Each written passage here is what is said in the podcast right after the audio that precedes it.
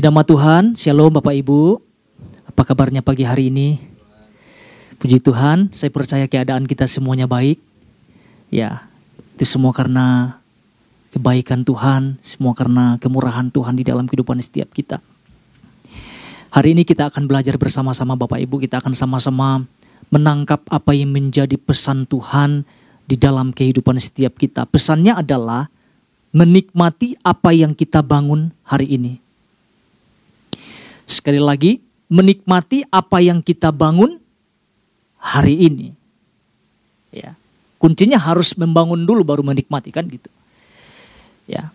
Pak Ishak sudah menyampaikan pesan ini oh, di dalam kehidupan setiap kita. Saya percaya setiap kita menangkapnya Bapak Ibu dan kita juga boleh mengaplikasikannya di dalam kehidupan setiap kita. Nah, kalau kita perhatikan Bapak Ibu, ini berbicara tentang hasil dari apa yang kita bangun selama ini. Ya. Entah apa pun yang kita sudah bangun ya. ya. Jangan jangan sampai apa yang kita bangun tidak kita nikmati ya. Karena apa yang kita bangun itu tidak sesuai dengan apa yang Tuhan kehendaki. Kita mau pastikan dulu di sana. Ya. Tetapi menariknya di sini adalah yang Tuhan sampaikan menikmati apa yang kita bangun hari ini. Tentunya sesuatu yang baik. Ya. Tentunya sesuatu apa yang sudah kita bangun selama ini kan. Ya, kita perlu garis bawahi Bapak Ibu kalau kita melihat tema dari pesan Tuhan ini yang yang Tuhan sampaikan adalah menikmati apa yang kita bangun, bukan apa yang orang lain bangun loh. Apa yang kita bangun. Jangan sampai mau menikmati tapi hasil dari orang yang membangunnya itu sekalipun tidak salah Bapak Ibu. Tapi Tuhan tekankan kita kata dikatakan di dalam uh, pesan Tuhan dalam tema pesan Tuhan ini. Pertanyaannya adalah kira-kira apa yang sudah kita bangun kan gitu.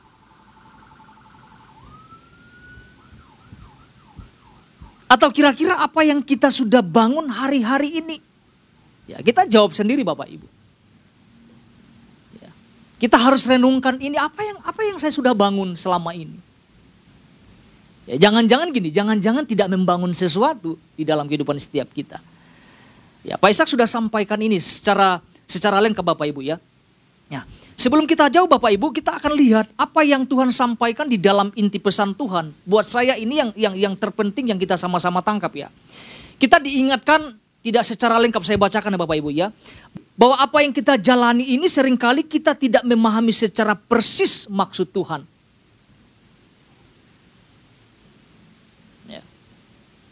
Contohnya ketika dikasih tuntunan, dikasih pesan demi pesan, atau peristiwa demi peristiwa yang terjadi, kadang kita tidak mengerti persis apa yang menjadi maksud Tuhan. Nah, kita perlu belajar, kita perlu belajar nanya Tuhan untuk memahami, untuk mengerti setiap pesan-pesan yang Tuhan kasih, setiap peristiwa-peristiwa mungkin yang kita yang yang yang Tuhan sampaikan di dalam kehidupan setiap kita. Ya. Selanjutnya dikatakan kita paham bahwa betul kita harus menjadi duta kerajaan surga sementara kita tinggal di bumi.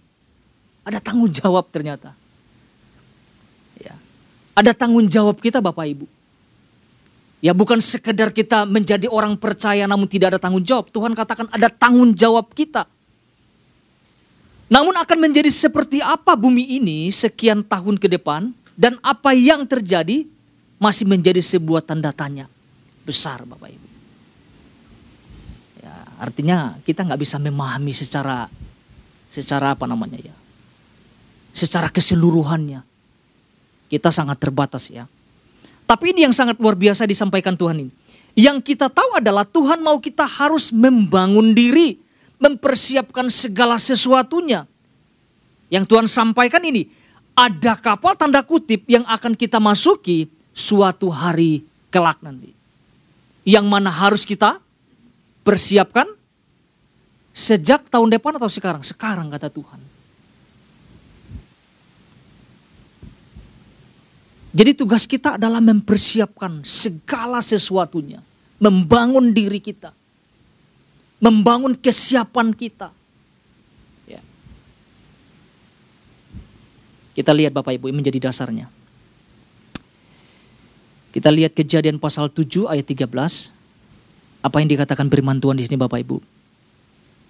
Pada hari itu juga masuklah Nuh serta Sem, Ham dan Yapet, anak-anak Nuh dan istri Nuh dan ketiga istri anak-anaknya bersama-sama dengan dia ke dalam batra itu. Jadi apa yang Nuh bangun Bapak Ibu dengan keluarganya? Kapal, betul ya? Batra. Pak Ishak sudah jabarkan tentang latar belakang dari dari kisah ini Bapak Ibu. Ini menceritakan tentang kehidupan Nuh dan keluarganya yang taat melakukan segala yang diperintahkan oleh Tuhan dalam kehidupan mereka. Ya, ada ketaatan yang mereka lakukan dari setiap perintah yang Tuhan sampaikan. Ya. Kalau kita perhatikan di ayat keempat berkata bahwa tujuh hari lagi Tuhan akan mendatangkan air bah untuk menghapuskan segala yang ada di muka bumi yang Tuhan jadikan. Pertanyaannya gini Bapak Ibu, mengapa Tuhan harus mendatangkan air bah? Ini kan penting buat setiap kita untuk sama-sama kita tangkap. Ya. Apa dasarnya? Ya. Mengapa Tuhan harus menghapuskan apa yang telah Tuhan ciptakan itu sendiri di muka bumi? Mari kita lihat dasarnya di pasal 6 ayat 5 sampai 8. Itu menjelaskan tentang kejahatan manusia yang sangat besar Bapak Ibu. Ayat 5. Ketika dilihat Tuhan bahwa kejahatan manusia besar di bumi, dan bahwa segala kecenderungan hatinya selalu apa? Membuahkan kejahatan semata-mata. Membuahkan sama dengan menghasilkan.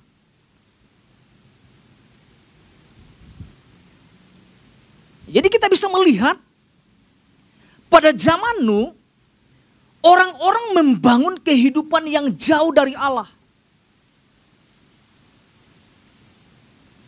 Orang-orang membangun kehidupan yang jauh dari kehendak Allah.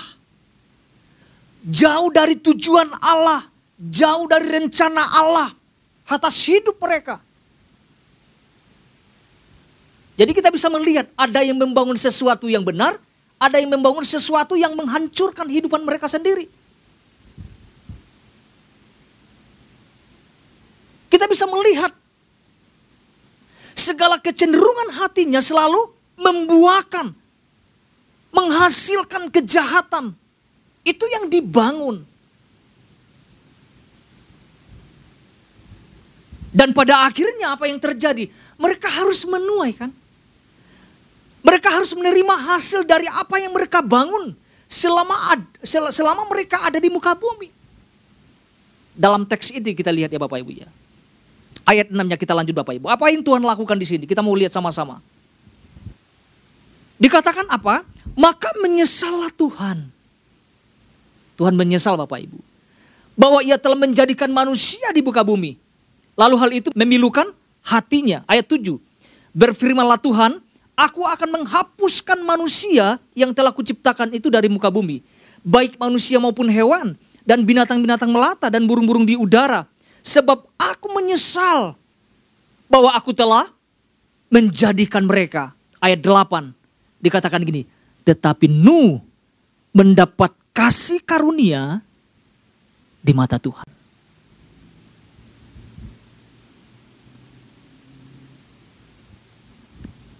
Bahkan kalau kita kita lompat ayat 9-nya Bapak Ibu, apa yang dijelaskan gini?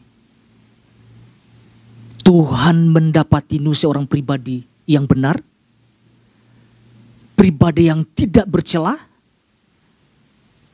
dan pribadi yang bergaul dengan Tuhan.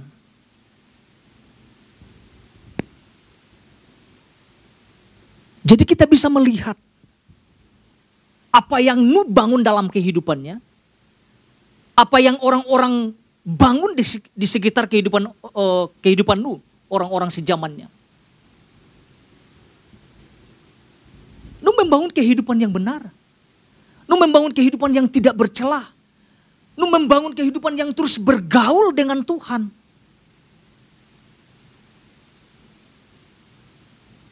Makanya ketika Tuhan menghanguskan, menghapuskan orang-orang di muka bumi. Tuhan memberikan perintah kepada kepada Nuh untuk apa? Untuk membangun batra. Dan kita tahu dan kita sudah belajar Bapak Ibu, ketika Tuhan ketika Tuhan memerintah, memerintahkan Nuh, Nuh nggak membantah loh. Dia taat saja melakukannya. Dia melakukannya dengan benar, dia melakukannya dengan tepat. Ya. Sekalipun awalnya Nuh nggak mengerti, untuk apa? Ngapain Tuhan gitu?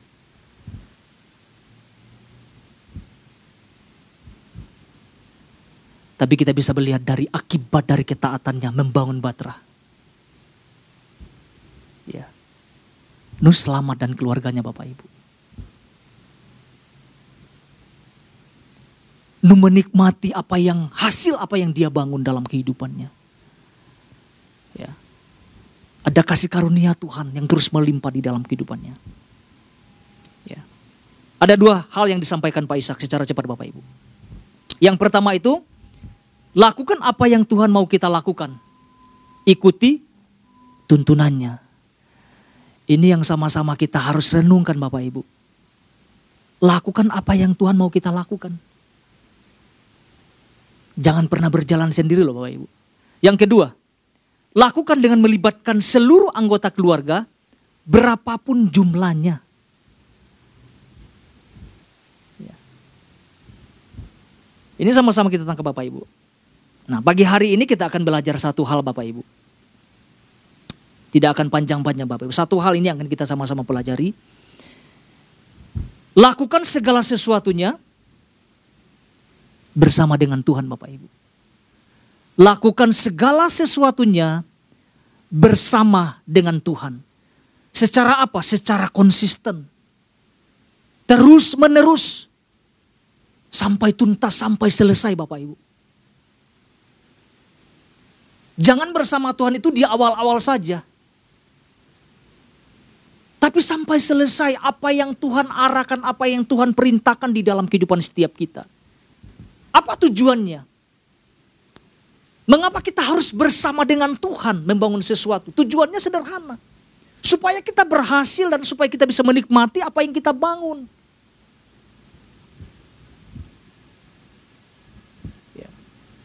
Dalam hal kita membangun juga pastikan ada orang-orang yang yang punya semangat yang sama. Ya. Punya tujuan yang sama, punya visi yang sama dalam hal membangun sesuatu. Ya, Pak Ishak sampaikan tentang keluarga Bapak Ibu. Jangan satu maunya apa, yang satu maunya apa nggak jelas gitu.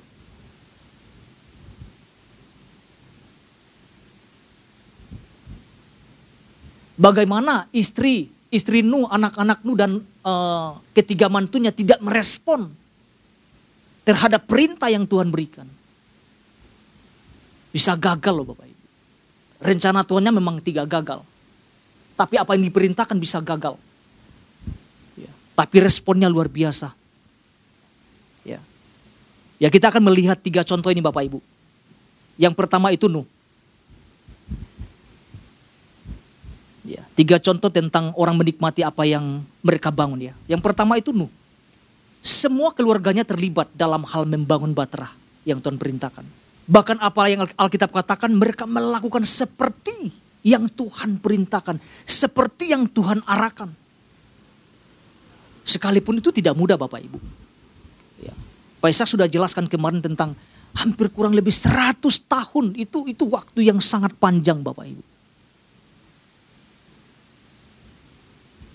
Untuk menyelesaikan sesuatu mungkin yang Tuhan percayakan. Ya apa pun yang Tuhan percayakan. Mungkin setahun aja orang bisa mundur.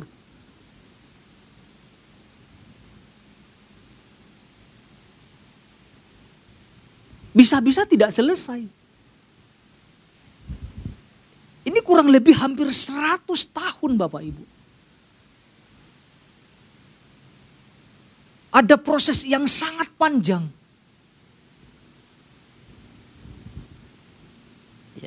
Zaman dulu mungkin belum secanggih zaman sekarang Bapak Ibu. Ya. Bapak Ibu pernah ngangkat kayu, kayu balok seperti itu? Kalau kami di daerah di kampung ya, kan harus ngambil kayu-kayu untuk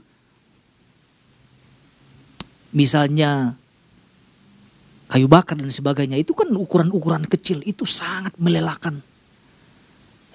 Jaraknya itu nggak nggak dekat Bapak Ibu, mesti ngambil itu di gunung, mesti di ladang seperti itu. Ya.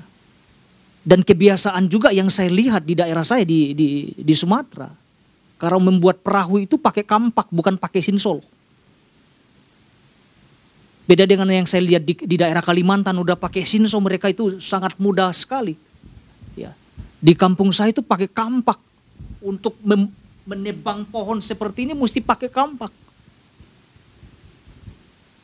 Kadang-kadang nggak bisa tumbang dalam satu hari. Mesti beberapa hari baru tumbang. Saya bisa membayangkan itu betapa sulitnya. Ya. Udah ditebang pula, harus dibuat persis seperti Paul uh, uh, perahu yang sesuai dengan keinginan keinginan yang membuatnya. Udah membuat di atas di gunung, harus bawa lagi ke bawah. Itu baru ngomong tentang kayu yang bukan-bukan yang besar loh Bapak Ibu.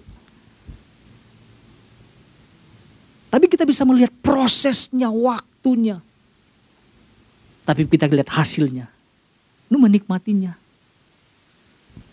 Nu berhasil karena nu berjalan bersama dengan Tuhan.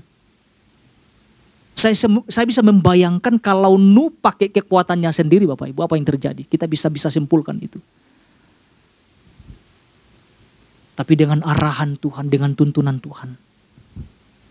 Batra yang diperintahkan Tuhan bisa selesai. Jadi kita bisa melihat berapa orang yang selamat. Cuman keluarga Nuh yang selamat Bapak Ibu. Ya. Di dalam kejadian pasal 7 ayat 23.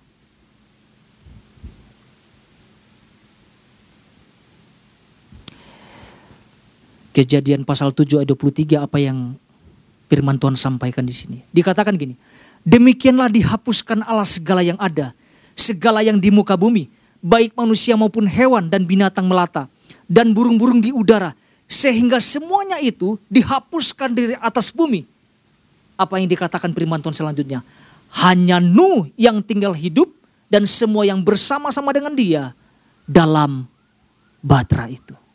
Pak Ishak jelaskan di dalam 2 Petrus pasal 2 ayat 5 kemarin Bapak Ibu. Jadi hanya keluarga Nuh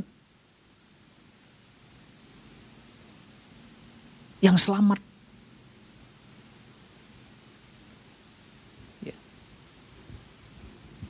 Semua terlibat. Semua bekerja sama. Semua melakukan tugasnya masing-masing.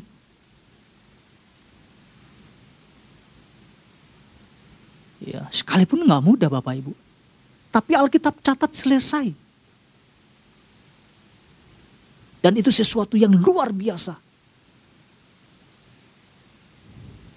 Kenapa cuma 8 orang yang menikmati Bapak Ibu? Karena cuma 8 ini yang yang membangun Batra. Itu contoh yang pertama dari keluarga Nuh. Contoh yang kedua adalah kita pernah belajar tentang kehidupan Nehemia Bapak Ibu. Ya. Saya menyoroti tentang membangunnya di sini. Kita tahu Nehemia punya beban untuk membangun tembok Yerusalem yang sudah runtuh. Tapi pertanyaannya apakah Nehemia membangun dengan seorang diri Bapak Ibu? Tidak. Ada orang ada orang-orang yang satu visi, satu tujuan untuk menyelesaikan pembangunan tembok Yerusalem pada saat itu. Kita sudah sering belajar ini, ada banyak tantangan untuk menyelesaikan itu Bapak Ibu. Tidak sedikit tantangan yang dihadapi oleh Nehemia. Bahkan sambil berperang, sambil membangun, sambil berperang. Dan apa hasilnya? Alkitab juga mengatakan selesai. Apa yang dimulai selesai. Bersama dengan Tuhan Bapak Ibu. Pertanyaannya apa yang kita bangun hari-hari ini? Mau gak kita menyelesaikannya? Mau gak kita menikmati dari hasil apa yang kita bangun hari ini?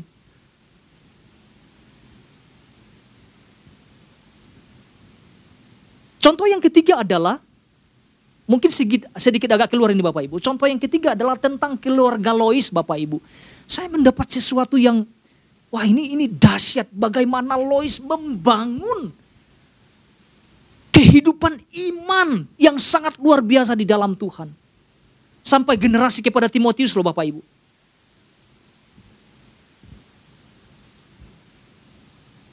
Ya. Nanti kita bisa lihat di dalam 2 Timotius pasal 1 ayat 5. Kita bisa belajar dalam dalam kehidupan keluarga ini. Bagaimana mereka mengedepankan pengenalan akan Kristus dan pertumbuhan iman kepada anggota keluarga. Apa yang kita bangun hari-hari ini?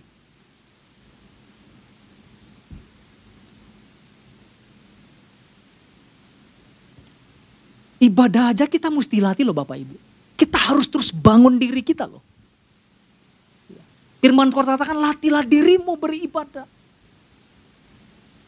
Ada sesuatu yang harus terus dibangun hari lepas hari di dalam kehidupan setiap kita. Menikmatinya nanti kelak di dalam kekekalan.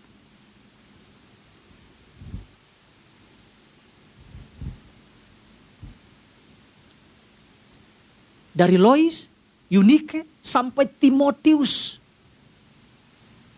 Memiliki iman yang kuat. Kenapa kuat? Karena dibangun.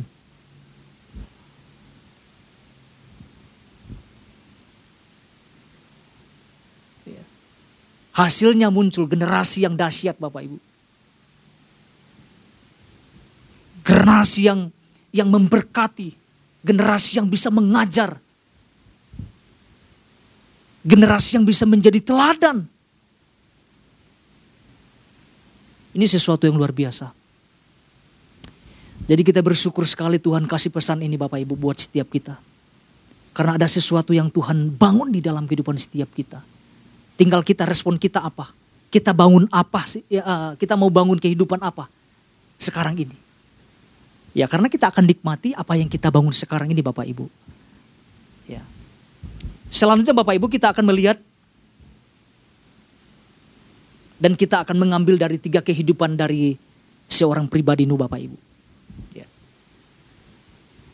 Ada tiga hal yang perlu kita ambil dari kehidupan pribadi nu. Yang pertama secara cepat Bapak Ibu, dalam hal kita membangun sesuatu jangan pernah jauh dari Tuhan. Kita perlu yang namanya petunjuk-petunjuk Tuhan Bapak Ibu. Kita perlu yang namanya arahan Tuhan Pak Ishak sudah jabarkan itu. Karena apa yang kita mulai kita harus selesaikan.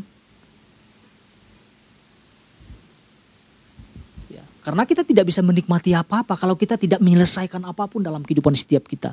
Yang kedua, dalam kita membangun sesuatu tetap jaga hidup dalam kebenaran. Ya, ya. Kita bisa lihat dasarnya di dalam kejadian pasal 7 ayat 1. Apa yang dikatakan di sana? Lalu berfirmanlah Tuhan kepada Nuh, masuklah ke dalam batra itu engkau dan seisi rumahmu. Sebab engkaulah yang kulihat benar di hadapanku di antara orang zaman ini. Ya. Jadi dalam hal kita membangun sesuatu tetap jaga hidup dalam kebenaran. Ini sangat penting sekali Bapak Ibu. Yang ketiga, apa yang kita ambil dari dalam kehidupan pribadi ini? Yang ketiga, dalam hal kita membangun sesuatu, tetap bertahan dalam proses Jangan gampang mundur. Apa-apa mundur, belum memulai sesuatu sudah mundur. Sudah dijabarkan, dijelaskan Pak Ishak. Kurang lebih 100 tahun Bapak Ibu. Itu bukan waktu yang singkat. Orang kita menantikan janji Tuhan setahun aja udah lama sekali gitu. Tapi dalam hal kita membangun sesuatu, bertahan dalam prosesnya.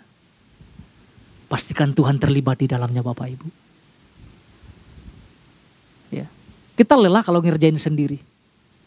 Tapi kalau ada Tuhan yang terlibat di dalamnya, saya percaya apa yang kita bangun, kita akan selesaikan. Dan apa yang kita bangun, kita akan nikmati kelak. Jadi satu hal ini yang dapat sama-sama kita pelajari Bapak Ibu, lakukan segala sesuatunya bersama dengan Tuhan. Tuhan Yesus memberkati setiap kita.